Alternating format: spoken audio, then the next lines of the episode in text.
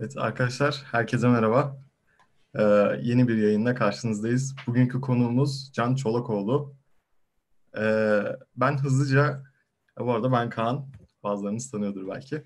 Ee, ben hızlıca Can'ın e, özgeçmişini okuyacağım. Daha sonrasında hemen sorularımıza devam edeceğiz. Ee, eğitim hayatında 2007 yılında Sabancı Üniversitesi'nde eğitim e, endüstri mühendisliği okuyarak başlayan Can Çolakoğlu, 2010 yılında Viyana Teknik Üniversitesi'nde Erasmus yapıp Geri döndükten sonra 2011 yılında Sabancı Üniversitesi'nde eğitim hayatını tamamlamıştır. Ayrıca lisans eğitimi sırasında Microsoft ve Turkcell firmalarında staj yapmış, Sabancı Üniversitesi'nde de 3 yıldan uzun bir süre boyunca akademik destek programı altında çalışmıştır. Can Çolakoğlu lisansını bitirdikten hemen sonra 2011 yılında Stanford Üniversitesi'nde Yönetim Bilimi ve Mühendisliği bölümünde yüksek lisans eğitimine başlamıştır. Stanford Üniversitesi'nde Türk Öğrenci Derneği'ne aktif görev almasının yanı sıra Can e, Çolakoğlu yüksek lisans pardon e, yanı sıra e, sosyal ağlar dersinin asistanlığını yapmıştır. E, 2013 yılında yük, yüksek lisans eğitimini tamamladıktan sonra sırasıyla Bosch, Intel, Bosch ve Intel firmalarında çalışmış. Şu anda ise kariyerini Coinbase firmasında verim bilimci olarak başarılı bir şekilde devam ettirmektedir. Ayrıca sevgili Can Çolakoğlu 3 yıldan uzun süredir e, Kesişen Yollar Derneğimizin danışmanlık programında danışan e, danışman olarak gönüllülüğünü sürdürmekte. E, Can hoş geldin. Öncelikle çok teşekkürler. Ricamızı kırmadın, katıldın. Hoş bulduk. Ben teşekkür ederim beni burada kariyer sohbetlerinde ağırladığınız için. Bizim için bir zevk. Hemen ilk soruyla başlıyorum. Tamamdır. Sizi biraz tanıyabilir miyiz diye ilk sorumuz. Sen de hani üzerinden geçtiğin şey kısımlarının, rezüme üzerinde yazan kısımlarının yani e, Koç Lisesi ondan sonra Sabancı Üniversitesi'nde okudum. 2011 yılında oradan mezun oldum. E, dediğin gibi endüstri mühendisliği, matematik yan da yapmıştım. Ondan sonra doğrudan hiç çalışmadan aslında e, Amerika'ya işte master'a geldim Stanford Üniversitesi'ne. Aslında biraz da hani o orada hayatımın şu anki yönü belli oldu diyebilirim yani aslında. Onun öncesinde de hani bir sürü şey yaptık. Tabii ki hani liseler, üniversiteler hepsi güzeldi ama hiç düşünmezdim aslında hani yurt dışına yerleşeceğimi ve hani oradan devam edeceğini hayatımın. O zamandan bu zamana işte San Francisco, Silikon Vadisi bir şekilde hani istediğimiz işler bulmaya, bir kariyer yaratmaya, aynı zamanda da hani bambaşka bir ülkede e, yaşamaya çalışmaya hani öğreniyoruz birazcık. E, o da hani genel olarak burada aslında çok beni hani karakterize eden şeylerden bir tanesinin burada kurduğumuz hani çevre olduğunu falan söyleyebilirim. Çok fazla hani dostumuz benzer şeylerden gelmiş insanlarla beraber hani e, burada yaşıyoruz. Hatta iki kişiyle paylaşıyorum evi falan. Onun dışında da işte kendimden biraz daha fazla bahsedecek olursam e, futbol falan oynuyorum yani şeyin dışında. Spor e, işte her zaman için biliyorsunuz sağlam kafa sağlam vücutta bulunur. E, onun dışında e, burada çeşitli buluşmalar falan da yapıyoruz şeyin dışarısında. İşte komünite oluşturmaya çalışmak zaten hani e, sevdiğim şeylerden bir tanesi. Onun dışında da iş güç demin konuştuğumuz gibi. Çok teşekkürler. Ee, şimdi gelen bir soruyla değil, söylediğinden yola çıkarak ben bir soru sormak istiyorum. Ee, yurt dışında e, yaşamaya çalışıyoruz, öğreniyoruz gibi bir şey söyledin. Ee, yurt dışında yaşam senin için zor muydu master'a gittiğin zaman? Yani birçok insan yurt dışına çıkmak istiyor. Gerek okumak için, gerek çalışmak için. Ee, ben de yurt dışındayım. Ee, birçok insan da bunun aslında biraz daha kolay olduğunu düşünüyor olduğundan. Bununla ilgili kolay mı yani sence? Nasıl? Ya çok doğru bir soru bence bu ve bunu düşünen herkes için de ilk aslında yani hani düşünülmesi gereken şeylerden bir tanesi bence. Ee, hani yapmayın diye değil de başka insani zorlukları olduğunu bu işin e, bilmek lazım. Biz hani biraz yetiştiğimiz çağda bir de ülkemizin belli ha, hali se, şey, şekli sebebiyle insanların hani sürekli bir yurt dışına gidelim bir fırsat kovalayalım şey var. Bir 10 senedir falan devam ediyor bu benim gitmeye başladığım zamanlardan beri. Ve hani hiç şey düşünmüyoruz. Hayatımızın büyük bir kısmını geride bırakıp yepyeni büyük bir kısmını yeni bir yerde kurmanın hani nasıl bir ülke olurundan ziyade aa bu okul iyi mi? Aa bu program iyi mi? İşte benim işime yarayacak mı gibi çok böyle hani gerçekten kariyer odaklı düşünüyoruz. Tamam eyvallah sistem bizi bir şekilde böyle hani e, düşünmeye itmiş. Ama benim için özellikle hani ilk geldiğim zaman bir San Francisco dünyanın öbür ucu. Yani gerçekten öbür ucu. Farklı bir gün yaşıyorsunuz. Yani daha öncesinde her şeyi paylaştığınız arkadaşınız, aileniz ve konuştuğunuz, sürekli beraber olduğunuz insanlardan bir anda bir günle ayrılmak yani onların gecesinin benim gündüzüm olması bile aslında büyük ve insanın alışması gereken bir şey. Onun dışında hani ne bileyim Türkiye'de bile doğru düzgün Sabancı'daki işte Akbank dışında bankaya gitmemişken hani yurt dışında banka hesabı açmaktan işte hani çamaşır yıkamaya kadar her şeyin sistemi farklı. Hani trafik kurallarına kadar onların hepsine insanın alışması bir zaman alıyor yani ve bunları yaparken de hani çok fazla yakın dostunuz hemen olamıyor hayatta. Çünkü herkes dünyanın bir yerinden gelmiş durumda. O yüzden biraz yalnız olma ihtimalini de göze almak gerekiyor. E, kolay değil yani genel olarak bence. Evet. E, tam sorduğum soru e, YouTube'da bir arkadaşımız sormuş, bir izleyicimiz görmeden sormuştum.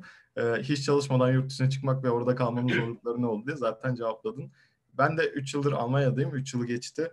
E, ben kesinlikle söylediğin her şeyin altına imzamı atarım. E, ben 18 yaşımda geldim dediğin gibi çamaşır yıkamaktan, hesap açmaktan e, şey çok ya 3 senenin sonunda düzenimi oturtabildim diyebilirim ben yani. Bu arada bu benim lisede e, yani koç lisesindeyken bir sürü arkadaş daha liseden başvurup işte özellikle Amerika'daki okullara gitmeye çalışıyordu ki burs alan falan da olmuştu. O zaman da bir gündeme gelmişti açıkçası ben hani 18 yaşında gitmiş olmayı yani o yapamam gibi düşünmüştüm birazcık gerçekten. Hani çok da o şekilde bir karakterim yoktu o zaman yani. O yüzden hani e, dediğim gibi daha bile zor. Ben 22 yaşında geldim bir de yani. Hani aslında üniversiteyi tamamen aradan çıkarmıştık ama hani üniversite bile enteresan çünkü birçokları mesela aslında hani şehrini falan bırakıp İstanbul'a Ankara'ya okumaya geliyor. Yani o bile bir adımken hani bir anda ondan sonra şey olmasa hani insan hayatını kendi başına orada bile ayrıca kuruyor işte araban var bir şeyler yapıyorsun falan İstanbul'da sonunda özgürüm falan derken bir anda hani de bambaşka bir şey tekrardan başlıyor bu sefer gibi bir süreç var. Kesinlikle. İkincisi de hani o demin gelen soruya bir şey daha ekleyeyim hani çalışmadan. Ben bilmiyorum çalışmadım öncesinde e, master'a gitmeden. Ama bir yandan da şöyle bir şey var çalışma hayatına sonra giren biri olarak. Çalıştıkça hani sonra doktora yapayım, sonra işte bir şey yapayım, tekrar geri döneyim de akademiye atlayayım sorusu her geçen sene zorlaşıyor. Çünkü hani maaşın rahatlığından, kariyeri bir yere getirmiş olmanın rahatlığından, aa işte şimdi bırakacak mıyız sorularının büyümesinden hani ve bir şekilde iş hayatında da öyle bir şey var. Eğer biraz başarılıysanız önünüze bir şey atıyorlar hani siz radikal başka bir şey e, düşündüğünüz zaman. Hani o atılanlara tutuna tutuna falan daha zor olabiliyor. O yüzden hani önermez miyim? Eğer şanssız varsa bence bir iki sene çalışmak ilk ilk başta çok kötü bir fikir değil yani. Hani herhangi bir şeye komit etmeden önce yani PhD'ye falan vesaire falan. Çünkü hani e, öbür türlü girince de çıkmak zor olabiliyor. Bilmiyorum artık. Hani Cevabın için teşekkürler. E, ikinci sorumuza geçiyorum. E, Sabancı'da aldığınız endüstri mühendisi eğitimi nasıldı? Bunu ikiye ayırarak cevap vermek istiyorum. Bence Sabancı'nın genel olarak eğitimi bayağı iyiydi. Ee, ki zaten ondan sonra gelip benzer şeyler okudum endüstri mühendisliği içinde. Benzer bir programda Stanford'da okudum. Yani okuduğumuz kitaplara kadar aynı. Dersin öğretiliş biçimi çok farklı değil. Gerçekten hani çok daha ünlü bir üniversite, çok daha büyük bir üniversite ama akademik olarak çok benzer bir tecrübeydi. O açıdan da biliyorum ki hani okulumuz gerçekten Zamemkum e, iyi bir üniversite ve birçok şeyi verebiliyor öğrenciye. İkincisi bölümün dışında da Sabancı'nın kattığı çok şey var. Mesela mat yandal yapabilme fırsatı, gidip humanity dersleri alabilme fırsatı istediğim kadar hani farklı bir e, perspektif katmaya çalışması ilk senede falan. Bence bunlar çok önemli. E, o yüzden eğitimde bir eksik yok. Endüstri mühendisliği özelinde bu çağda konuşacak olursak birazcık.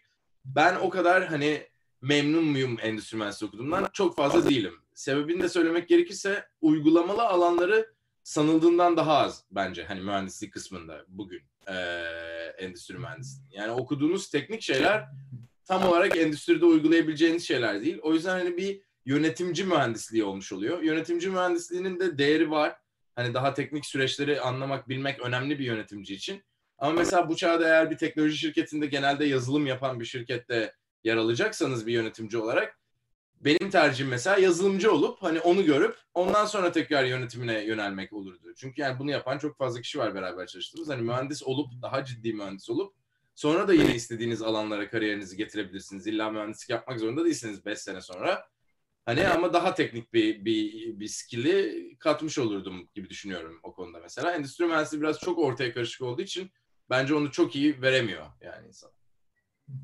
Anladım. Cevabın için çok teşekkürler. Ee, endüstri mühendisliğini tavsiye eder misiniz? Diğer bir sorumuz ama e, ya var mı eklemek istediğim bir şey? Yani dediğim gibi bence çok etmem ki zaten bunu şeyde konuşuyorduk. Ee, e, Sabancı'ya gittiğimiz şeyde ilk defa e, Yusuf Hoca e, bilgisayar mühendisliği okuyan insanların sayısının endüstri mühendisliği okuyanları geçtiğini söylemişti. Ya buna benzer bir bir ortam bulmak burada da mümkün. Yani herkes bootcamp'lerde, herkes o daha çok işte aslında iş tutan e, skill'lerini geliştirmek için e, uğraşıyor. Bu zamanda hani Ve ben çok şeyim yani. Gidin sosyoloji okuyun mesela ne bileyim felsefe okuyun falan. Ondan sonra hani bootcamp yapın da öyle bir işe girin bile biraz daha iyi hani e, hayat perspektifi kazanmak vesaire falan açısından. Çünkü hani sadece okulda bilgisayar okuyun çünkü ona iş var demiyorum yani. Ama hani mühendislik okumayacaksanız daha ciddi o zaman bence insana başka şeyler katabilecek başka alanlar var yani. Onlardan da hani bir şeyler edinip üniversitede sonra iş ne olacak diye son ayrıca bakmak da mantıklı olabilir yani. Hani. Tabii istiyorsanız, seviyorsanız bu endüstri okumayın demek değil. Hani. E. Teşekkürler cevabın için ve değerli görüşlerin için. Ee, bir diğer sorumuz. Stanford Üniversitesi'nde nasıl kabul aldınız? Süreçleri anlatabilir misiniz? Sizce alınmanızı sağlayan en önemli etken neydi? Ee, bu da güzel bir soru. Birkaç şey var. Birincisi yani başvurdum tabii ki. kabul olmamdaki en önemli etkenlerden bir tanesi başvurmaktı ve e, insanlara genelde hani böyle bir şey olabiliyor. Ne yapacağım ben? İşe mi girmeliyim yoksa master'a mı gitmeliyim falan. O dönemde açıkçası benim kafamda hep şey vardı. Evet Sabancı'da okudum. Ama şimdi gidip mesela hani sadece undergrad diplomamla herhangi bir işte Türkiye'de çalışmak istemiyorum. Sanki bundan daha fazlasını yapabilirim, daha iyisini yapabilirim. Bir sürü arkadaşım yurt dışında okudu gibi genel bir his vardı. Ama ne istediğimi çok fazla bilmiyordum. O yüzden yola birazcık hani iyi okullar, iyi bölümler, benimkine benzeyen bölümler ve programlar gibi şeylere bakarak çıktım. Orada da bir liste çıktı karşıma. Çok zor değil internetten bakarsanız zaten nerelerin master programları iyi falan filan şeklinde. Hani o listeden harekete geçtim işte nelerin nelerin gerektiği başvurmak için kısmına geçtim yani birazcık aslına bakınca. Ve te- temel motivatörüm hani bir şeyler daha yapayım, biraz daha okuyayım, hani farklı bir yer daha göreyim. Ee, hani burada hemen iş hayatına atılmayayım da açıkçası. Burada Stanford'ın olması ve diğer başka bir okulun olmaması yani bütün başvuruları gönderdikten sonra açıkçası biraz şans diyebilirim. Yani tabii ki iyi bir öğrenci olmanız lazım. Tabii ki yüksek ortalamaya, işte iyi GRE sınavlara, e, TOEFL'a falan ihtiyacınız var. Onun dışında tabii ki hocalarınızdan referanslara ihtiyacınız var ve bence hani her başvuruyu öne çıkaran başka bir şey olabiliyor. Benim master programım inanılmaz seçici bir program değil açıkçası. Ee, ve orasında mesela çok iyi test skorları birini öne geçiriyor olabilir. Hani referanslar her zaman önemli bence. Daha önemli diğer şeylerden. Çünkü eğer oralarda okumuş veya oralarda birilerini tanıyan bir hoca sizin hakkınızda bu çocuk iyi diyorsa o zaman hani girme şansınız her zaman yükseliyor. Ee, ve bence beni de hani ittiren birazcık referanslar olmuş olabilir diye düşünüyorum. Çünkü ikinci sınıfın sonundan beri çeşitli hocalarla böyle ekstra curricular projeler üzerinde çalıştım. Hani derslerin gerektirmediği çeşitli projeler yaptım. Onları sonra bitirme projeme bağladım Sabancı'da. O tecrübe ve hocalarla bir iki sene çalışmış yani yarım sene veya bir seneden fazla çalışmış olma tecrübesi yazdıkları referansı biraz daha bence hani sizden bahsedebilecek şeyler vermiş oluyorsunuz hocaya ve biraz daha gerçek, biraz daha dolu olduğu anlaşılıyor. Bence onun etkisi de hani başvurularda hissediliyor. Onun sayesinde olmuştur tahminen e, diye düşünüyorum. Ve Stanford'da hani master'a kabul olma şansım oldu ve açıkçası olunca da birazcık hani beklemiyordum ama hani Stanford oldu tamam bir şekilde hani parasını falan bulup gideceğiz e, ze döndü yani. Teşekkürler. Zaten çok büyük de bir başarı yani. Tekrardan naçizane tebrik ederim. Ben açıkçası böyle işlerin başvurun diye o yüzden dedim. Hiç belli olmuyor. Yani gerçekten girmeye inandığınız bir profilden geliyor olabilirsiniz. Uğraşmışsınızdır, bekliyorsunuzdur. Ya ben mesela Stanford'a girdim. Bir sürü başvurduğum yer vardı. Hani ya Stanford'a girdim. Oralara nasıl giremedim açıkçası? Hani bilmiyorum yani. Ee, o yüzden belli olmuyor. Her zaman başvurmak ve hani şey yapamam asla giremem falan diye düşünmemek lazım. Çünkü hiç, hiç belli olmaz yani. Bir anda geliverir. Evet. Ee, şimdi seyircilerimizden gelen bir soru var. Yüksek lisansı kariyer odaklı mı yapma yoksa kendi gelişimimize değer katma amaçlı mı yapmalıyız?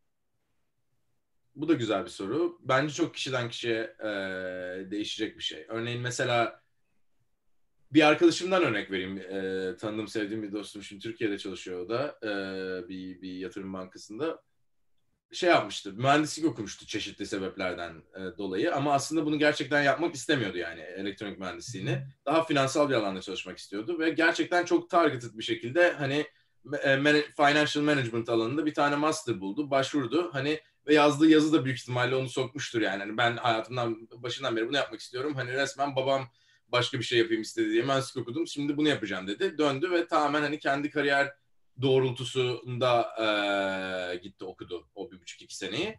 Ve şu an tam olarak o master'da kendisine hani edindiği skill'lerle e, girdiği işte başarılı bir kariyer yapma yolunda yani. Tamamen profesyonel e, development'ına yönelik bir karar verdi orada master'a giderek. Bazı insanlar da mesela master hani okulun biraz üstü biraz belki hani orada okumadım başka bir skill katayım kendime falan ama ya da belki akademik bir şeye giriş olur. Ama hani iş hayatında çok fazla bir şey ben direkt olarak hani nasıl bir alanda çalışacaksam onunla alakası olmayabilir gibi bakıyor. Bence ikisinin de değeri var yani yapmak istediğiniz şey ve almak istediğiniz perspektife bağlı olarak.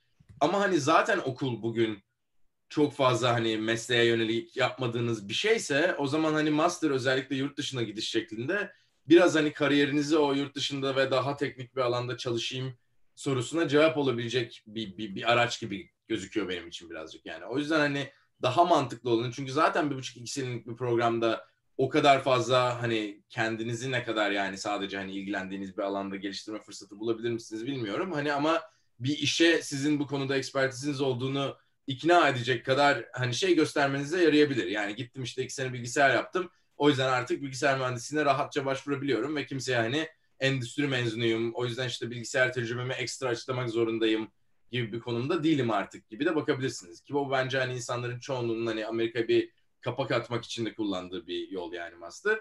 En kolay yol açıkçası söylemek gerekirse bir master programına girip hani bir şekilde parasını da bulabiliyorsanız veya burs alabiliyorsanız büyük ihtimalle hani burada bir işe geçiş için en kolay yol. O yüzden hani kariyer odaklı düşünmek mantıklı olabilir yani bence master.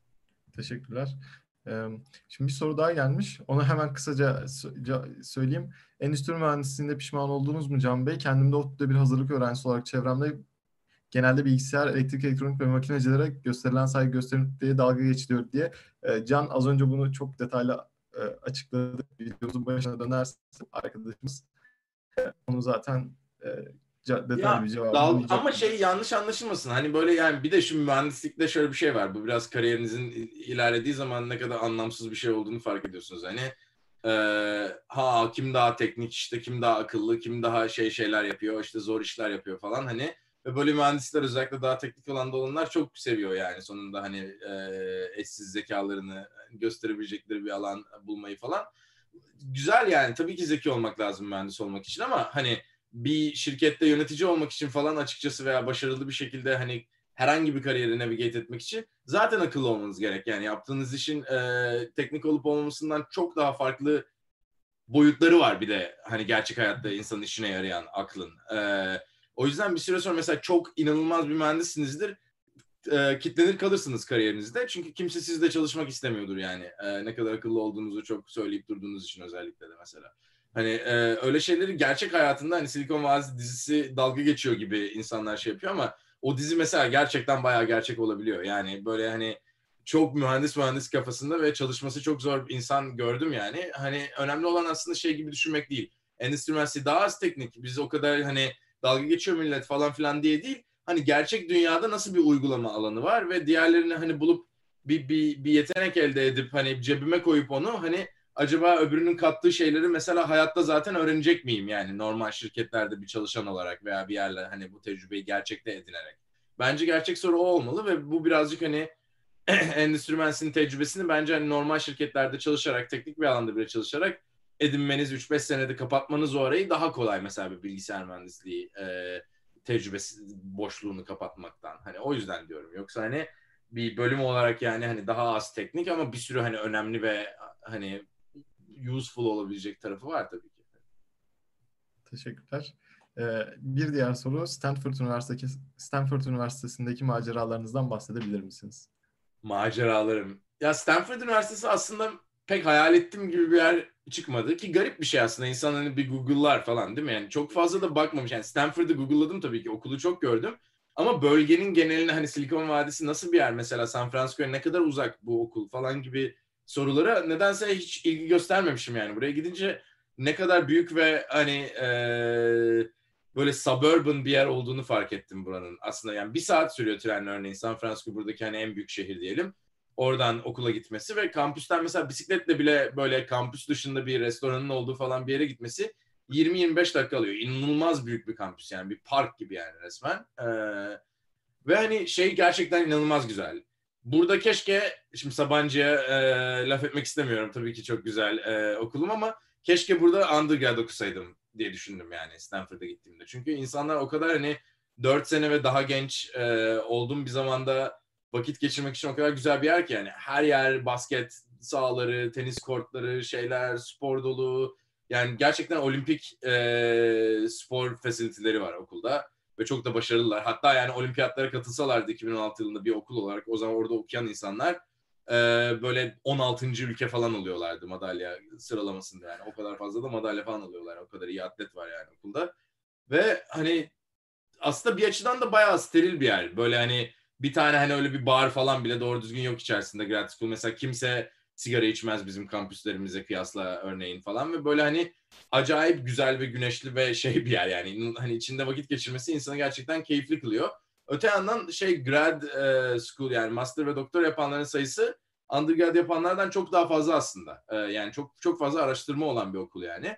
Ve orada da hani şeyi fark ediyorsunuz. Hani okulun tadını e, lisans okuyan öğrenciler çıkarırken işte bütün o şeylerde alt kattaki lablarda yani on binlerce böyle Hintli, Çinli, Türk, İranlı falan e, master ve doktor öğrencisi işte araştırma yapıyor falan. Öyle garip bir tarafı var. E, şeyde şeyde çok şaşırmıştım. Çok ailesiyle falan hani yaşayan insan var aslında grad school'da. Yani ben direkt üniversiteden sonra geldiğim için insan farklı açılarda yüksek lisans yapıyor zamanında ve PhD yapanlar çok uzun sürebiliyor şeyleri. Onu çok da düşünmemiştim nedense. Hani gerçekten böyle ço- çocuğuyla çolu- çoluğuyla falan takılan orada yaşayan arkadaşlarım falan oldu. Hani o da farklı bir deneyimdi yani. Ha bak master'a geldim ve insanlar hayatın hani farklı bir aşamasında bu işi yapıyorlar ve öyle arkadaşlarım var falan gibi. Hani e, enteresan. Çok maceralı değil tabii ama. Bence yine de güzel bir cevaptı. Yine izleyicilerimizden gelen e, bir soru var. E, zaten az önce söylediğin şey aslında biraz devam sorusu gibi olmuş üniversite hayatımızı nasıl değerlendirmeliyiz? 4-5 yılımızı en verimli şekilde nasıl kullanabiliriz diye. Ya bu yine hani çok yalnızlık göçmek falan değil de daha 30 yaşına gelmiş bir insan hani şey yapacağım birazcık e, hafif kendime. Biraz daha tecrübeli, biraz daha olgun evet, gözünden ya, evet, görmüş. yaşlıymış gibi e, cevap verme şansı tanıyacağım. E, yani tecrübe burada konuşacak diyelim biz. Tecrübe diyelim, evet. E, ya arkadaş edinmek hayatta zorlaşıyor yani birazcık. E, sürekli işe git gel ve hani çevreleriniz daralıp hani belli bir grup insanla takılıp takılıp takılıp hele yani göçmenseniz bir de o çevreleri büyütmek üniversitedeyken mesela herkes işte liseden bir bilmem kimin arkadaşı. Sonra işte Türkiye'de çalışırken herkes üniversiteden bilmem kimin arkadaşı. O çevre hani ortak paydalar fazla olduğu için daha kolay bir şekilde bir partiye gidip birileriyle tanışma oluyor. Hani göçmenken bu iyice zor oluyor. O yüzden bence hani kariyer gazına girmek için çok vakit var hayatta. Yani insan zaten hani 40 yaşına kadar falan anca yani böyle birazcık e, neyin ne olduğunu anlayıp falan hani gerçekten ya bir şeyler yapıyorum şimdi işte şirketi kurayım. Mesela öyle bir istatistik vardı. Başarılı founderların büyük bir çoğunluğu gerçekten 35 plus hala. Yani o hani 20 yaşında 25 yaşında şirket kurdum patlattım hani et, itosu aslında birazcık hani e, gerçek değil. Çoğunlukla birkaç tecrübeden geçmiş bir sürü kere denemiş kariyerini bir yere kadar getirmiş ve daha önemlisi bence hayatta kim olduğunu, kim olmadığını daha bir oturtmuş, karakteri oturmuş insanların hani daha başarılı olma ve daha bir şeyler ortaya koyma şansı olduğunu görüyoruz yani baktığımız zaman.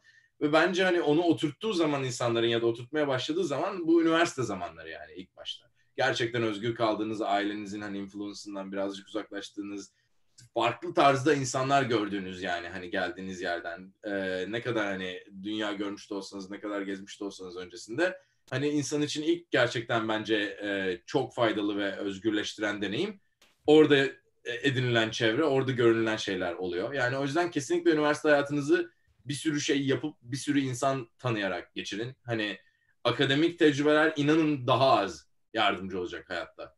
Yani böyle bir sürü şey anlatabilmek, birçok insanla arkadaş olabilmek, birçok insanın dilinden konuşabilmek, hani biraz dünya görmüş olmak, biraz farklı ilgi alanlarına sahip olmuş bir insan olmak hani açıkçası benim işime çok yaradı hayatta. Ee, okuduğum herhangi bir dersten, öğrendiğim, iyi yaptığım herhangi bir sınavdan daha çok yaradı ve üniversitede bunu yapmak için o kadar çok şansınız var ki zibilyon tane kulüptür, şudur budur var yani. Oralarda hani hem şey edinebilirsiniz, bu hani leadership tecrübesi edinebilirsiniz. Çünkü hani gerçekten öğrenciler organize ediyor bir sürü şeyi ve hani bunlara katkıda sağlayabilirsiniz. İstemiyorsanız ya da hani o, o değilse olayınız kesinlikle hani katılabilirsiniz. Bir sürü insan tanıyabilirsiniz. Hayat tecrübesi edinirsiniz. Gezileri mezileri falan çok öneriyorum. Hani gidin işte ben dalış kulübündeydim ne bileyim işte üniversitede. Ben hani şimdi yani dalış manyağı mıyım? Değilim ama hani bir yapabildiğim ve gittiğim bir yerlerde hani eğlendiren ve çok enteresan bir hobim var yani. İkincisi de e, oradan bir sürü insan tanıdım. Bir sürü gez, gezme şansı buldum. Hani tatil yaptım falan. Oralarda e, arkadaşlıklar edindim. Hani o arkadaşlıklarla da ileride hani hem network oluyor hem bir şeyler öğretmiş oluyor size o insanlar. Hem çevre oluyor. Yakın dost olursa ne ala yani yanınızda geliyor işte o dostluklar falan. Ve onlar hani bir şekilde insana yardımcı oluyor hayatta e, herhangi bir dersten daha fazla. O yüzden hani böyle yaşamaya bakın yani bence. Farklı farklı deneyimlere e, açık olmaya bakın. Evet deyin yani birileri size bir şey yapalım mı dediğinde. Hani tabii gidip banka soyalım mı dediğinde evet demeyin yani de. Hani e, tecrübelere açık olmak açısından bence en güzel zamanlar yani. Çok teşekkürler cevabın için. Ee, bir devam sorumuz. Eğitim hayatı döneminde katıldığınız dernek öğrenci kulüplerinin size bir faydası oldu mu? Olduysa neler? Aslında söyledin, cevaplamış oldun. Eklemek istediğin evet. bir şey var mı yoksa bir sonraki soruya? Şey olarak e, bir şey burada bir shout out vermek istiyorum bizim akademik destek programına ve, ve Selim'e hani zaten işte e, kesişen yollar aracılığıyla. Hani evet dalış malış falan eğlenceli hani biraz daha hobisel kulüpler ama biraz daha böyle hani iş gibi bir şey olmasına rağmen hani nedense yapmak istediğim akademik destek işte bilmeyenler için Sabancı'da öğrencilerin birbirine ders falan anlattığı bir program yani işte akademik destek programı ve yine aslında bir kulüp gibi öğrencilerin organize ettiği ve organize olduğu e, ve ne yapılması gerektiğine karar verdiği bir, bir, e, bir yer. Ve ilk defa hayatımda bence benle kalacak bir şey verdi bana hani akademik destekte başka insanlara. Aldığım dersi aynı anda alan insanlara hani anlatma tecrübesi. O da hani bir şekilde e, şeyin hani bir şeyler anlatma, hocalık, işte mentörlük şeyini, tecrübesini ilk defa doğru düzgün yaşadığım yerde hayatta. Ve hani bir şekilde bu olaylar işte yaptığımız kariyer sohbetleri işte Sabancı'daki olaylar falan ayrı. Onlar aracılığıyla ama aynı zamanda işte falan da yani veya hani insanın dostlarıyla falan olan ilişkisinde de aslında hani bana bana çok şey katan bir şey oldu yani e, akademik destek tecrübesi. Hani sabırlı olmak, birini dinlemek, aynı zamanda hani anlatmak, anlattığın zaman anlıyor mu biri söylediğin şeyi, anlamıyor muyunun farkına varmak mesela hani hocalığın mesela bir sürü hocamızın hala bugüne değin anlamadığı çok önemli bir tarafı olan yani hani karşıdaki insan ilgili mi acaba hani söylediğin şeye meselesini falan hani bana öğretmesi açısından çok çok değerli olduğunu düşünüyorum yani. Hani kesinlikle eğer öyle bir şeyiniz de varsa o tarz şeyler deneyin. Yani sadece hani gezmeli işte yelkenli müzikli falan kulüp değil de hani birazcık daha da böyle tamam ya aman iş mi yapacağım falan diyebilirdim yani üniversitede ki dediğim anlar oldu yani. Kalkıp da ADP şeyine ders vermeye gitmek istemediğim yani. Ama hani bugüne değin hani Selim'e evet diyerek ve onları giderek ve yaparak yani aslında çok önemli hani tecrübe kazandığımı düşünüyorum. Bence hani o da iyi bir şey yani dengelemeye çalışın biraz faydanızın olacağı şeyler de bulmaya çalışın. Ne bileyim gönüllü olun falan mesela yani. Ee, keyifli şeyler bunlar. Teşekkürler. Ee, bir diğer sorumuz Erasmus yapmayı tavsiye eder misiniz? Gezmeli görmeli zaten. evet. olan bir soru. Ve bunu yine akademik bir yerden söylemiyorum ki akademik iyi planlayın yani yapacaksanız. Kesinlikle güzel olabilir. Çok eğlenceli olabilir. Bir sürü arkadaşım var gidip hani üniversitesinin en eğlenceli zamanlarını yani Erasmus'ta geçiren. Eğer denk gelirse gittiğiniz yer yanınızdan hani 2-3 kişi sizde hani tanıdığınız insan olsun falan hani aynı zamanda da eğlenceli ortam olsun falan kesinlikle güzel olabilir yani. O yüzden gitmeyin demiyorum. Ee, fakat akademik olarak iyi planlayın. Yani ne yapmak istiyorsunuz? Yeterince kredim kalacak mı? Önce neler alacağım? Çünkü orada alınan derslerin falan çok fazla bir faydası olmuyor.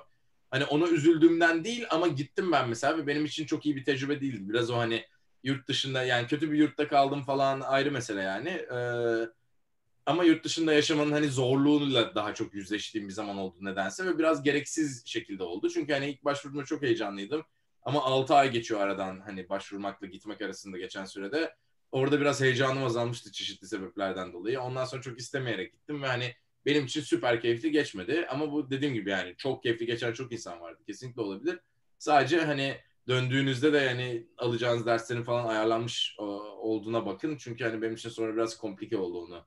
Yani istediğim dersleri alamamış oldum. Böyle sevmediğim dersler aldım falan ondan dolayı birazcık sonra falan hani net net çok pozitif olmadı yani. Çok teşekkürler cevabın için. Ee, endüstri mühendisliği okuyup veri bilimi alanına geçmek sizin için zor oldu mu? Bu da bir diğer sorumuz. Ya burada aslında master biraz bana yardımcı oldu. Çünkü o hani şeyi fark ettim dediğim, demin de dediğim. Master'a geldim artık 5. senem yani arka arkaya okuduğum 5. seneydi üniversitede. E ondan önce de sürekli okumuşum falan. biraz şeyi fark ettim. Aynı dersler oluyor. Yani endüstride okuduğum şeyleri almaya falan başladım. Dediğim gibi aynı kitaplar falan. Ve şey düşündüm. Hani bu iyi bir fikir mi? Yani bunları hani zaten master'da da tamamen aynı şeyleri okursam hani ne gibi bir alanda acaba bunları uygulayabileceğim falan.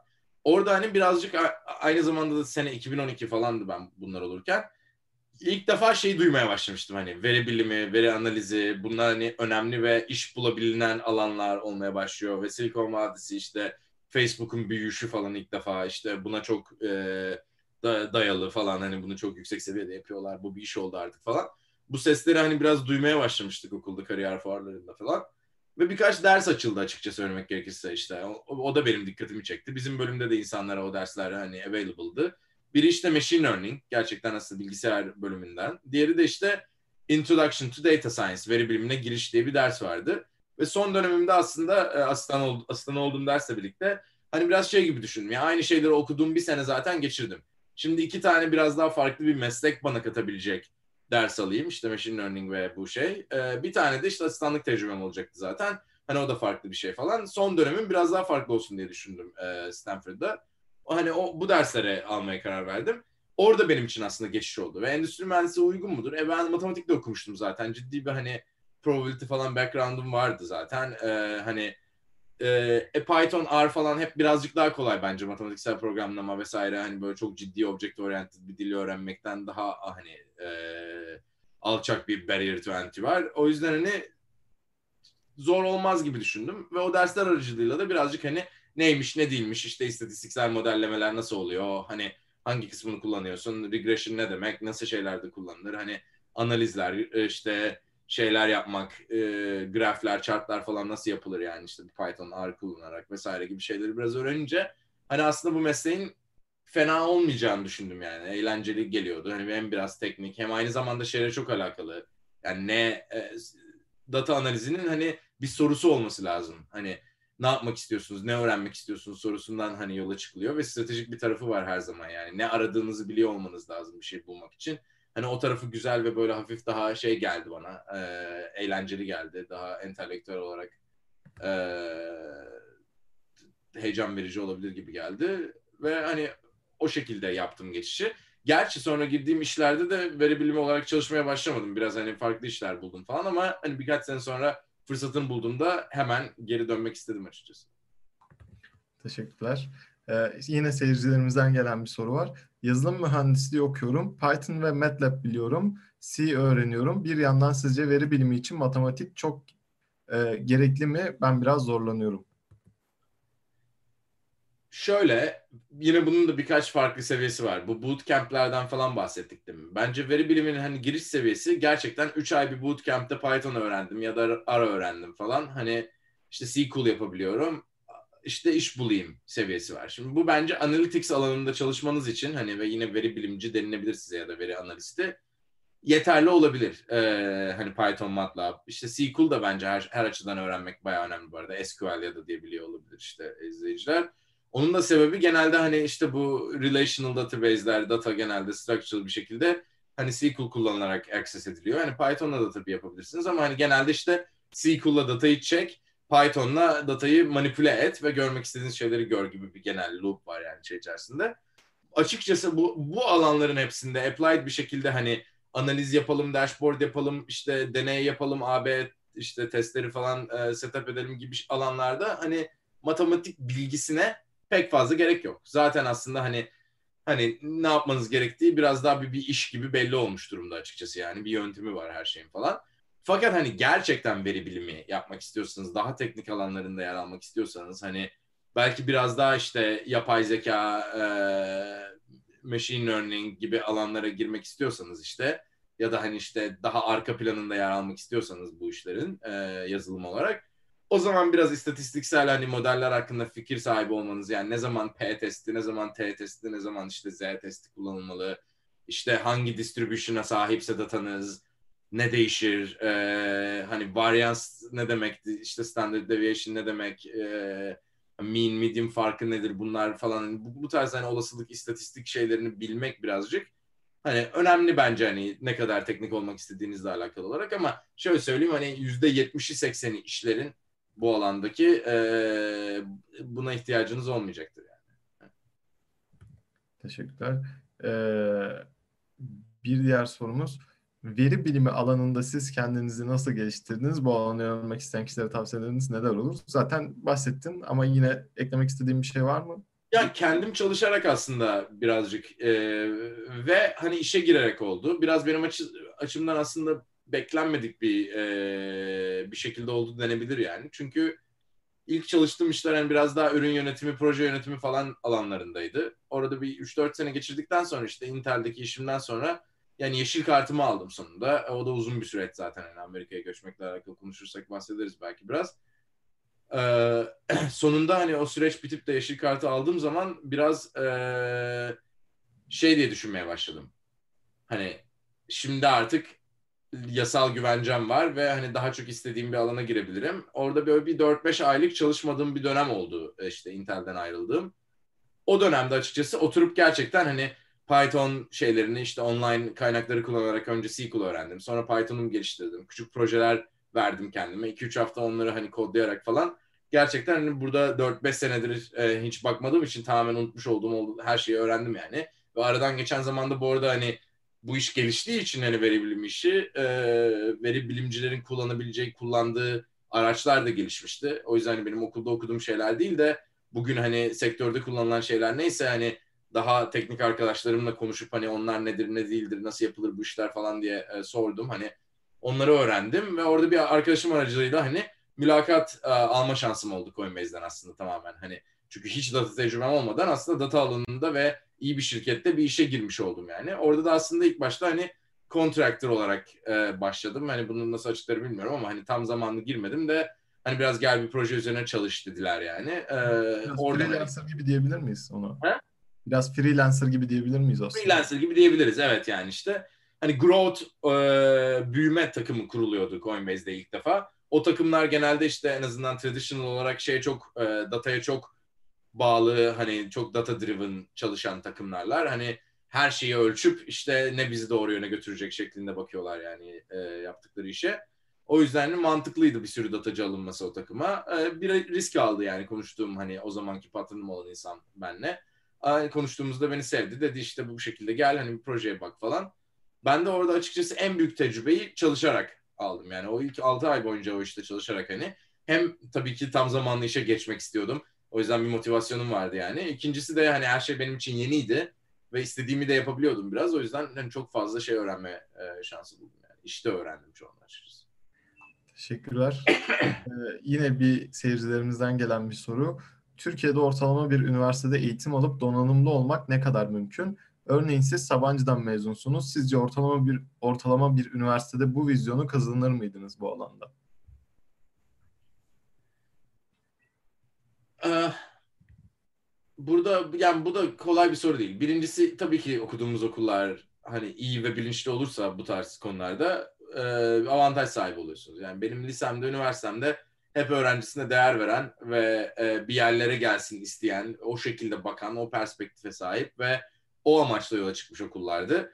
E, hem insana değer veriyorlar hem de e, öğrenci kaynak sağlıyorlar ve siz eğer kendinizi geliştirme niyetindeyseniz önünüze yollar açıyor bu okullar. Kesinlikle böyle. Yani hocalar yardımcı oluyor, birebir bir sürü hani deneyim edinme şansınız var vesaire bunu herhangi bir okulda ne bileyim 20 bin kişilik Çukurova Üniversitesi'nde vesaire falan yapamama şansınız var tabii ki ve bu kadar hani e, özel bir eğitim alamama. O da insana geri dönüşü tabii ki öbürü kadar iyi olmayacaktır yani burası kesin.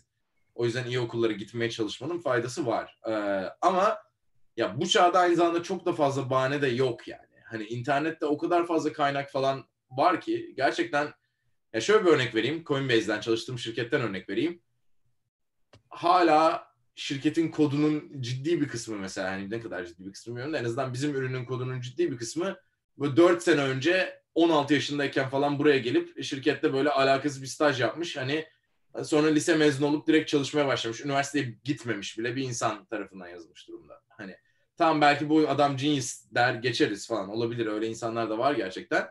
Ama aslında hani genius'tan ziyade bir tane craft yani zanaat bulmuş aslında hani kodlama e, şey işi içerisinde ve ona ona yönelmiş. herhangi bir okula veya şeye falan yönelmekten ziyade ve hani ona yöneliyorsanız ve istiyorsanız ve biraz yeteneğiniz varsa kaynak çok fazla var.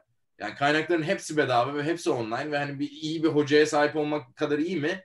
Değil ama hani kötü bir hocaya sahip olmak kadar kötü de değil yani. Sizi caydırabilecek mesela yani istediğiniz bir şeyden. Hani kendi hırsınız, arzunuz, isteğiniz varsa bence bugün gittiğiniz okuldan çok daha e, uzakta, çok daha hani önemli yerlere gelme şansınız var yani. Yani tabii bir avantaj mıdır? Öyledir yani. Teşekkürler. Ee, şimdi bir tane bir seyircilerimizden gelen sorumuz var. Bir de daha önceden gelmiş bir sorumuz var. İkisi çok benzer ya, ya da devam sorusu gibi ikisini aynı anda sorayım istersen. Ee, okurken gelen soru okurken büyük firmalarda stajlar yapmışsınız. Bu stajlar size neler kattı? Seyircimizden gelen soruysa e, veri bilimi alanında ilerlemek isteyen biri gideceği stajlarda şirketlerin hangi departmanında yapmalı? Ee, ikincisiyle başlayayım çünkü daha kolay olan soru bence o. Ee, yani kesinlikle artık şirketlerin data takımı var. Yani e, ve bu data takımı içerisinde veri bilimci aktif olarak hani bayağı var olan bir rol şu an. Ee, şimdi veri bilimcilerin farklı farklı tarzları var dediğim gibi yani ürün takımlarına daha yakın olanları var, işte finans takımlarına daha yakın olanları var, mühendislik takımına daha yakınları var, machine learning'e daha yakın olanları var falan. Hani onlardan herhangi birisi olabilirsiniz ama çoğunlukla zaten data takımı altında kusura bakmayın e, yer alacaksınızdır yani. O yüzden hani o tarz rollere bakmanızı öneririm. İkincisi de burada belki hala ürün takımları altında da geçiyor olabilir. Çünkü örneğin Facebook gibi şirketlerde hani o data analistiyle e, ürün yöneticisi çok yakın çalışıyor ve hani biraz el ele hani ürün nereye gidecek karar veriyorlar. Yani o yüzden o tarz rollerde olabiliyor. Ee, ilk soruya büyük şirketlerde stajla alakalı olan soruya geri dönecek olursak e, büyük şirketlerin şöyle bir faydası var. Biraz daha fazla güvence kariyer başlangıcı için. Yani her an pat diye risk e, alamıyor olabiliyor insan. Özellikle göçmen olarak hani başka bir ülkede iş arıyorsa. O açıdan büyük şirketler işe yarıyor. Çünkü hani vizelere başvuruyorlar işte göçmenlik konusunda yardımcı oluyorlar falan. Genelde daha çok fazla para veriyorlar ki o noktada kariyerinize yeni başladığınız için ihtiyacınız oluyor genelde. Ee, o açılardan önerebilirim. Ama yani Coinbase'i gördükten sonra açıkçası e, büyük şirketlerin bayağı sıkıntılı tarafları da var. Yani sizi gerçekten hani kariyer gelişiminizde geride bırakma ihtimali de olabilir büyük şirketlerde. Hani uzunca süre çalışmanın ve kalmanın. Çünkü çok daha bürokratik, çok daha yavaş, e, çok daha politik olabiliyorlar gerçekten. Bunu hani boşta da internette de gördüm. Eee o yüzden hani dikkatli de olun derim. Eğer hani para ve vize güvenceniz varsa diyelim hani göçmen olduğunuz bir şeyden bahsediyorum senaryodan. Ve yine de küçük bir şirkette çalışabilecekseniz ben hani size göre olmayabilir ama deneyip görmenizi öneririm yani. Çünkü her şey çok daha hızlı ve heyecanlı olduğu zaman biraz insanın hani varoluşsal olarak da hani işe gitmesi falan kolaylaşıyor böyle hani e, bir şeyin bir parçasıymışım gibi hissetmeniz ve yaptığınız işin bütüne katkısını daha net görmeniz küçük bir ortamda daha kolay olabiliyor. Ee, o da bence önemli bir şey. Bir insanın fayda sağladığını daha direkt olarak görebilmesi hani kariyerde bir şeyler yapıyorum ya hissini kuvvetlendiriyor. Yani bence. Teşekkürler. Ee, bir diğer sorumuz şirketlerdeki veri bilimci pozisyonu için olan mülakatlara nasıl nasıl hazırlanabiliriz? Bu da iki türlü veri bilimci rolü oluyor dediğim gibi demin. Hani bir tanesi biraz daha teknik ve AI machine learning modelleme e, tarafına eğilen hani daha ciddi diyelim. Orada hani PhD'li falan bile insanlar e, sadece bazen işe alınıyor. Hani master veya bootcamp falan yetmeyebiliyor. Hani o konuda çok fazla şey bilmiyorum. Hani machine learning falan da yaptım biraz ama e, ekspertiz alanım değil. Daha o yüzden hani işte bu SQL, Python, analiz, e, genel olarak analytics işte AB testi, deneyler, hani ürünle beraber çalışma falan tarafından biraz bahsedeyim işte. Orada açıkçası iki şey çok önemli. Birazcık bu, bugünün dünyasında bir veri bilimci olmak için. Bir tanesi dediğim gibi işte bu SQL, Python hani çok fazla online kaynak var e, kullanabileceğiniz bu iki dili özellikle öğrenmek için işte. Hani işte intro to bilmem ne gibi kitaplar da var. İşte for dummies kitapları vesaire her türlü şey var zaten. Ama onun dışında hani mesela direkt Mode Analytics diye M-O-D-E veya işte Periscope diye bir tane vardı diye hatırlıyorum. Ee, bir tane daha var falan. Bunlar böyle direkt online hani SQL'u yazıp öğrenebileceğiniz tool'lar falan e, sağlıyor işte. Oralara gidip önce SQL'ınızı geliştiriniz kesinlikle, kesinlikle SQL'inizi. O çok önemli olacak yani herhangi bir yere başvururken ve çok as, as, açıkçası yani basit ve hani derin tecrübe kazanması kolay olmayabilir ve çok aslında powerful yani e, birçok şey yapmayı öğrendiğiniz zaman kuvvetli olabilen bir dil. Ama hani basit şeyleri öğrenmesi çok kolay. O yüzden hani bir mülakata hazırlanacak derecede SQL öğrenmek o kadar zor değil yani. Onu kesinlikle online kaynaklardan yapabilirsiniz. Aynı şekilde Python için de aynısı geçerli yani. Şu an çok kabul gören ve e, hani MATLAB'la falan bu arada çok uğraşmayın. Bence o çok akademik kalmış bir dil yani. Hani her yerde e, R falan da çok kullanılmıyor. O da yani bazen akademide daha çok kullanılıyor. Hani bir iki alan var kullanıldı ama genelde Python yani öğrenmeniz gereken dil. Ki nispeten o da özellikle en azından başlangıç seviyesinde öğrenmek için çok kolay bir dil. Hani bu, bu bu iki dile odaklanmanız hani online kaynaklar aracılığıyla önerileceğim bir şey olur mülakatlar için. İkincisi de en azından bizde şey bayağı önemli. Ee, bu case study tarzı hani örneğin işte ürün yöneticilerine falan sorulan şeyler yani nasıl metriklere bakmalıyız bir şeyi yapmak için bir şirkette. Yani bir ürün e, çıkaracağız hani onun başarısını test etmek için ne gibi bir yöntemler kullanırsınız gibi soruları bekleyebilirsiniz. O yüzden de e, biraz şeye sahip olmak önemli hani bir ürün yöneticisi perspektifinde hani A'dan B'ye götüreceğiz bir şeyi, release edeceğiz. işte bir sürü insana hani ilk defa yeni bir şekilde yeni bir ürünle e, etkileşme şansı vereceğiz. Hani böyle şeyleri nasıl test eder bir insan? Hani ne gibi şeyler önemli olur hani e, gerçek dünyada diye de bir bakış açısına sahip olursanız hani ikisini bir araya en iyi şekilde koyabilen insanlar hani veri bilimci rollerine en çok bizim e, işe aldığımız insanlar oluyor. Teşekkürler. Şimdi yine bir tane önceden gelmiş bir sorumuz, bir tane de şu an seyircimizin sorduğu bir soru var. Önceden gelen soru e, Coinbase'de veri bilimci olarak bir gününüz neler bir gününüz nasıl geçiyor, neler yapıyorsunuz? Şu an gelen soru da çalışma saatleriniz yoğun geçiyor mu ve veri bilimci işe gitmek e, zorunda mı, şirkete gitmek zorunda mı diye genel bir şekilde belki. Ya bunu bizim biraz Coinbase kültüründen bahsedeyim. Yani işe gitmek zorunda mısınız ve çalışma saatleri biraz şirketin kültürü. Yani rolden ziyade şirketin kültürüyle daha çok alakalı oluyor. Hani bu zamanda bile gerçekten şey olan e, yani startup olup hani e, herkes şirkete gelsin isteyen ve hani uzun saatler çalışsın isteyen e, şirketler de var. E, hani herkes uzaktan çalışsın, evden çalışsın olan da var. Bizim Coinbase'de açıkçası kültür açıdan bayağı rahat. Yani istediğim zaman hani toplantılar olduğu zaman orada olmaya çalışıyorum tabii ki ama istediğim zaman gidip istediğim zaman gelebiliyorum. Ee, hani evden çalışabiliyorum çoğunlukla haftada bir veya iki gün bile olabiliyor gerekirse. Ee, ve şey de olabiliyor. Her işte bunun, bunun olduğunu biraz fark edeceksiniz. Hani mühendislerde biraz daha az olabilir de yani bir proje çıkacak veya hani böyle çok e, bitirmek bitirmem gereken bir iş var veya hani çok fazla deney yapıyoruz hani bir şekilde ürün üzerinde bu haftalarda diyelim yani ya da bu quarter. O zaman hani benim işim birazcık daha fazlalaşmış, yoğunlaşmış oluyor. Hani bazı zamanlarda da mesela mühendislerin işi yoğunken daha çok fazla deney ortada değil işte daha pek bir şey release etmedik falan. O yüzden hani e, benim haftam daha rahat geçiyor olabiliyor. Yani birazcık aslında hani iş hayatının her zaman bir dengesi var yani projelere bağlı olarak hani o, o gün üzerinde çalıştığınız şeyin hani ne durumda olduğunu, ne zaman hani e, ne zamana bitirilmesi gerektiğiyle falan alakalı e, yoğunluğu insanın değişiyor. İşte ama genelde hani Silikon Vadisi'nde şey bayağı norm. Hani diyelim bir quarter boyunca işte 2-3 tane ana projeniz oluyor. Ee, onun dışında bir de gün be gün manage etmeniz gereken hani takımlar ve insanlar oluyor diyelim yani işte. Ee, onları yaptığınız sürece kimse hani neredeydiniz, kaçta geldi falan gibi şeylere çok girmiyor yani.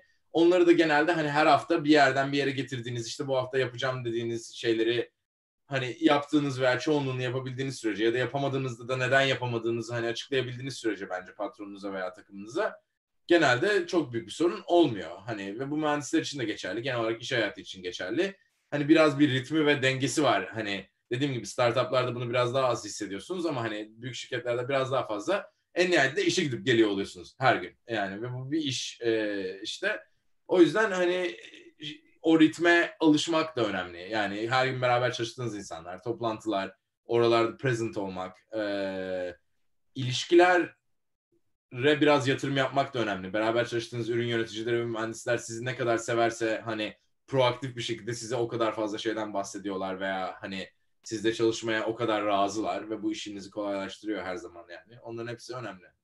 Ve ben hani günümün büyük bir kısmının aslında hani böyle sadece oturup query yazıp analiz yaparak değil de e, hani insanlarla toplantılarda hani stratejik hangi metriklere odaklanmalıyız işte bir deney için e, ya da bir yeni bir feature için işte bir product'ta deneyeceğimiz hani ne gibi metriklere bakmalıyız, ne gibi şeyler önemli, işte eventleri e, şey yaptık mı, mühendisler biliyor mu yani hangi eventleri koymaları gerektiğini, hangilerini koymamaları gerektiğini falan gibi şeylerde hani biraz böyle data yöneticisi gibi de geçebiliyor zamanım yani kendi takımım için. Teşekkürler. O zaman e, ben bir soru sorayım. E, çok böyle takım çalışmalarından bahsettin. E, bireysel çalışmanın mı yoksa takım çalışmasının mı daha verimli olduğuna inanıyorsun? Neden?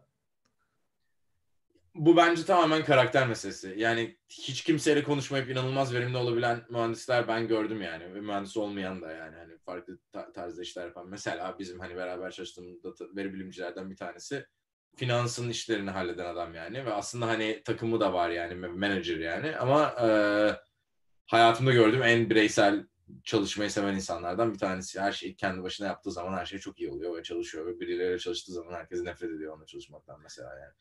Ee, böyle bir şey kesinlikle var. Burada kendinizi tanımanız önemli. Ee, nasıl verimli olabildiğinizi görmeniz.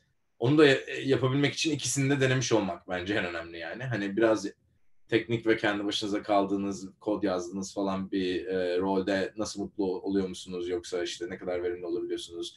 iyi hissediyor musunuz her gün bunu yaparken? Buna bakmak önemli. Yoksa daha çok insana, daha çok koordinasyona, organizasyona, management'a mı yatkınsınız? Bunu mu seviyorsunuz? Bence ikisini de iyi yapan insanlar da var bu arada. Yani onlardaysanız ne hala belki seçme şansınız olur yani. Ama genelde bazı insanlar hani daha bireysel işte daha verimli olurken bazı insanlar gerçekten daha hani organize etme, ortada durma, komünikasyon yönü kuvvetli şeylerde e, daha iyi oluyorlar. Açıkça söylemek gerekirse hani ben bireysel veya daha teknik işleri yapabildiğimi bilmekle beraber e, hani diğerini tercih ediyorum. Ben bence hani şeyde daha verimliyim yani insanlarla çalışırken hani neyin yapılacağına karar vermekte ve onun hani nasıl yapıldığını gözlemleyip eğer bir sıkıntı varsa devreye girmekte falan daha verimli olabiliyorum o şekilde yani ve bir sürü insanla çalışarak. O yüzden mesela managerial rollere bakmaya başladım ve hani daha hani o şekilde bir tecrübeye yönelebilirim gibi geliyor mesela kariyerimin ilerleyen kısımlarında. Ama dediğim gibi yani çok kişiye göre değişen bir şey. Yani bunu sizin kendinizi tanımanız lazım. Teşekkürler. Ee, bir diğer soru startup kurmayı düşünüyor musun? Bunu konuşuyorduk. evet, e, şeye başlama, yayına başlamadan önce konuşuyorduk. Şu şekilde bir cevap vereceğim buna. Hani insanlar hani startup kurayım, zengin olayım falan kafasında olabiliyor bayağı. Burada çok var öyle. Ve gerçekten yüzeysel bir kafa ve herkes böyle hani koştur koştur koştur tanış tanış tanış network network network hani onların hepsini yatır o bütün kapitali işte e, hem para hem insan kapitalini startup'a onu başarılı kıl tweet at falan e, ondan sonra işte hani bir yerlere gel işte sat şirketi falan hani böyle bir e, e, hala insanların heyecan verici bulduğu ve buraya yapmak için geldiği bir e, macera var yani hani startup şeklinde. Bunu yapan arkadaşlarım da var. Çok başarılı olan arkadaşlarım da var bunu yaparak. Ee, yani bizim şirketi kuran adam Airbnb'nin 50. mühendisi falan. Şimdi bir milyarder yani Coinbase'i 2012 yılında Bitcoin satın almanın hani önemli bir iş alanı yaratabileceğine inanmış bir insan mesela yani ve çoğu zaman o zaman buna, buna inanan insanlara deli derken o Y Combinator'dan funding alabilecek kadar başarılı bir startup'a dönüştürmeyi başarmış.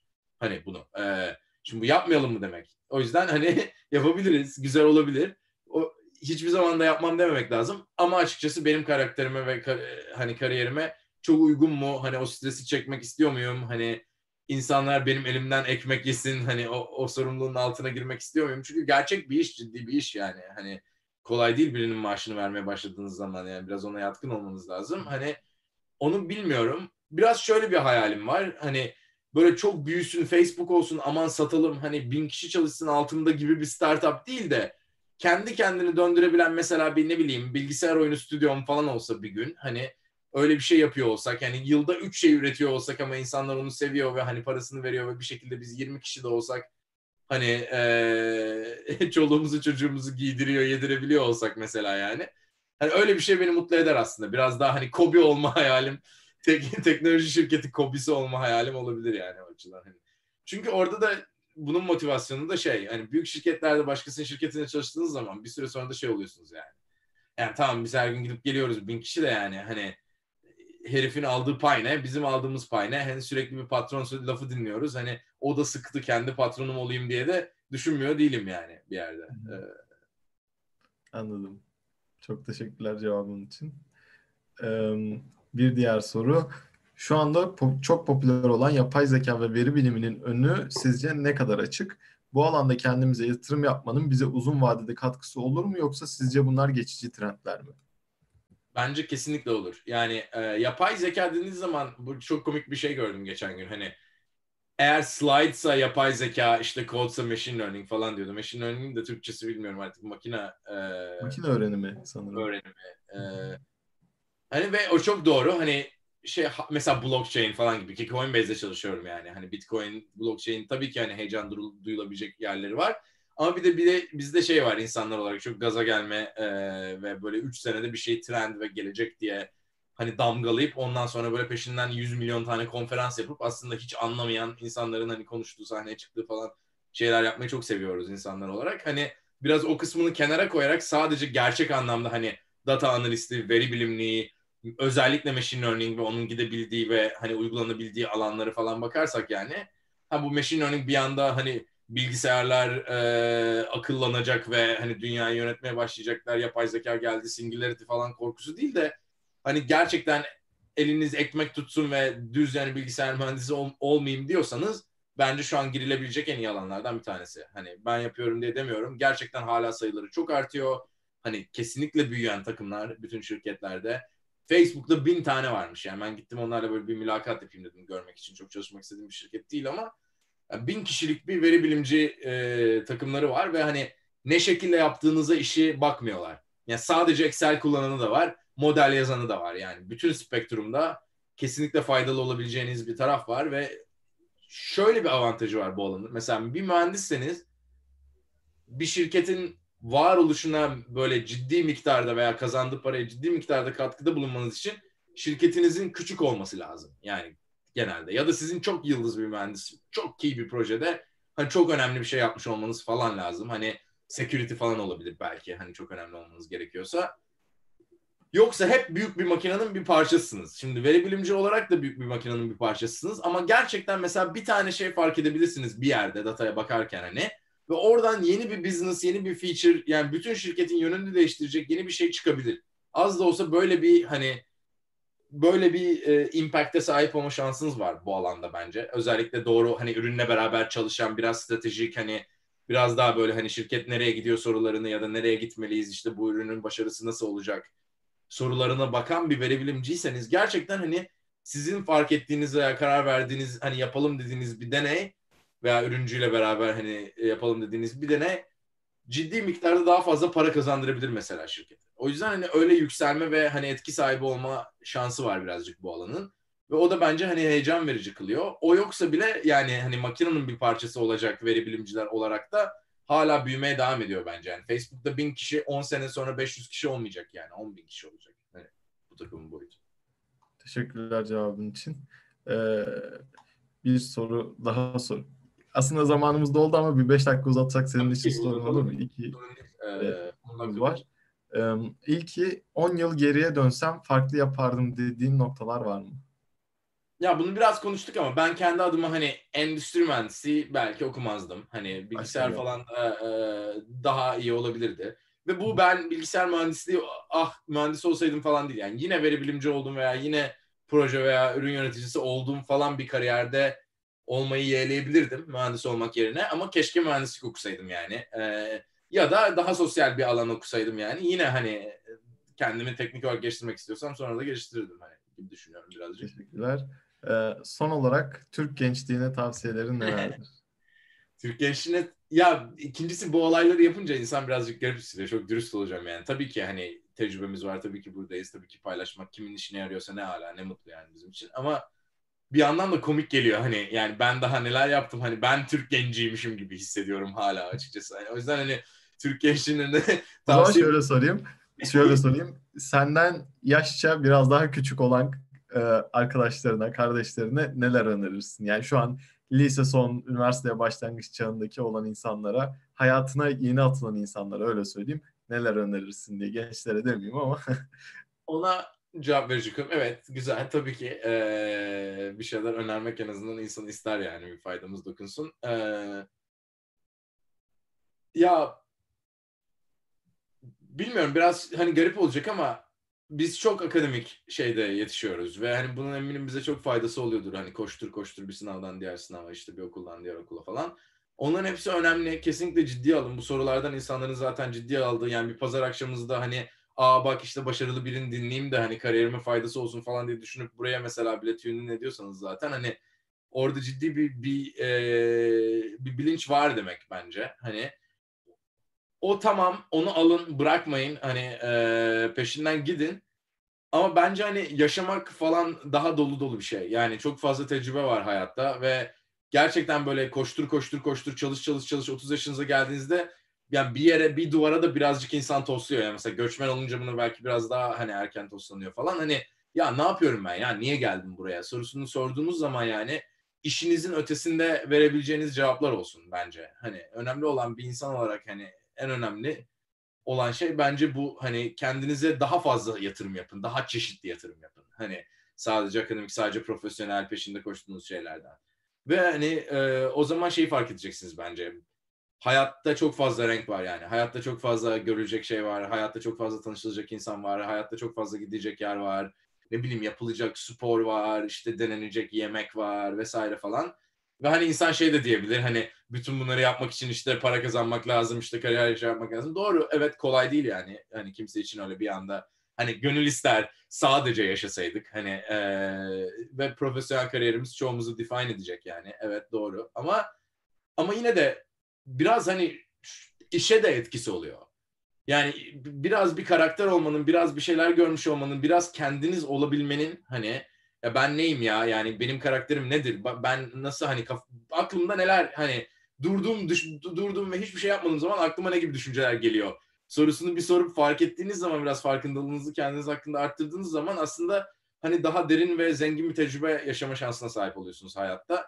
Hani böyle çok Budist gibi konuşuyorum ama doğru ve gerekli yani e, birazcık bu tarz şeyler yapmak. E, ki hani şeyi görün ben bir şey makinesi hani datıcı makinesiyim ya da işte kendinizi hani yaptığınız işle veya tanıdığınız insanlarla değil de olduğunuz şeyle tanımlayın ki oradan sonra hani o olduğunuz şeyi yaptığınız işe de katarsınız. Yani hani renkli kişiliğinizi şirkette de bilirler ki hani yükselmenize yardımcı olur. Yani insanların sizle çalışmasını çalışmasını isterler mesela insanlar sizle. Boş bir insan olmadığınız için işte ne bileyim hani ee, daha kibar insanları insanlara iyi davranan hani hayatta doğru şeyler yapmaya çalışan hani böyle o kadar e, kendi egosu tarafından hani govern edilmeyen işte ne bileyim hani daha anlayışlı ve iyi bir insan olmaya çalışmak daha dolu bir insan olmaya çalışmak falan kariyerde de size çok fayda getirecektir yani. O yüzden hani bence tecrübelere hayır demeyin. Hani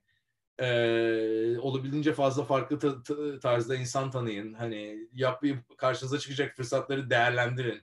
Farklı şekillerde iş yapın. Yani gidin mesela çiftlikte falan çalışın yani öyle bir şansınız varsa hani 10 gün falan hani ve nasıl bir şeymiş görün mesela yani.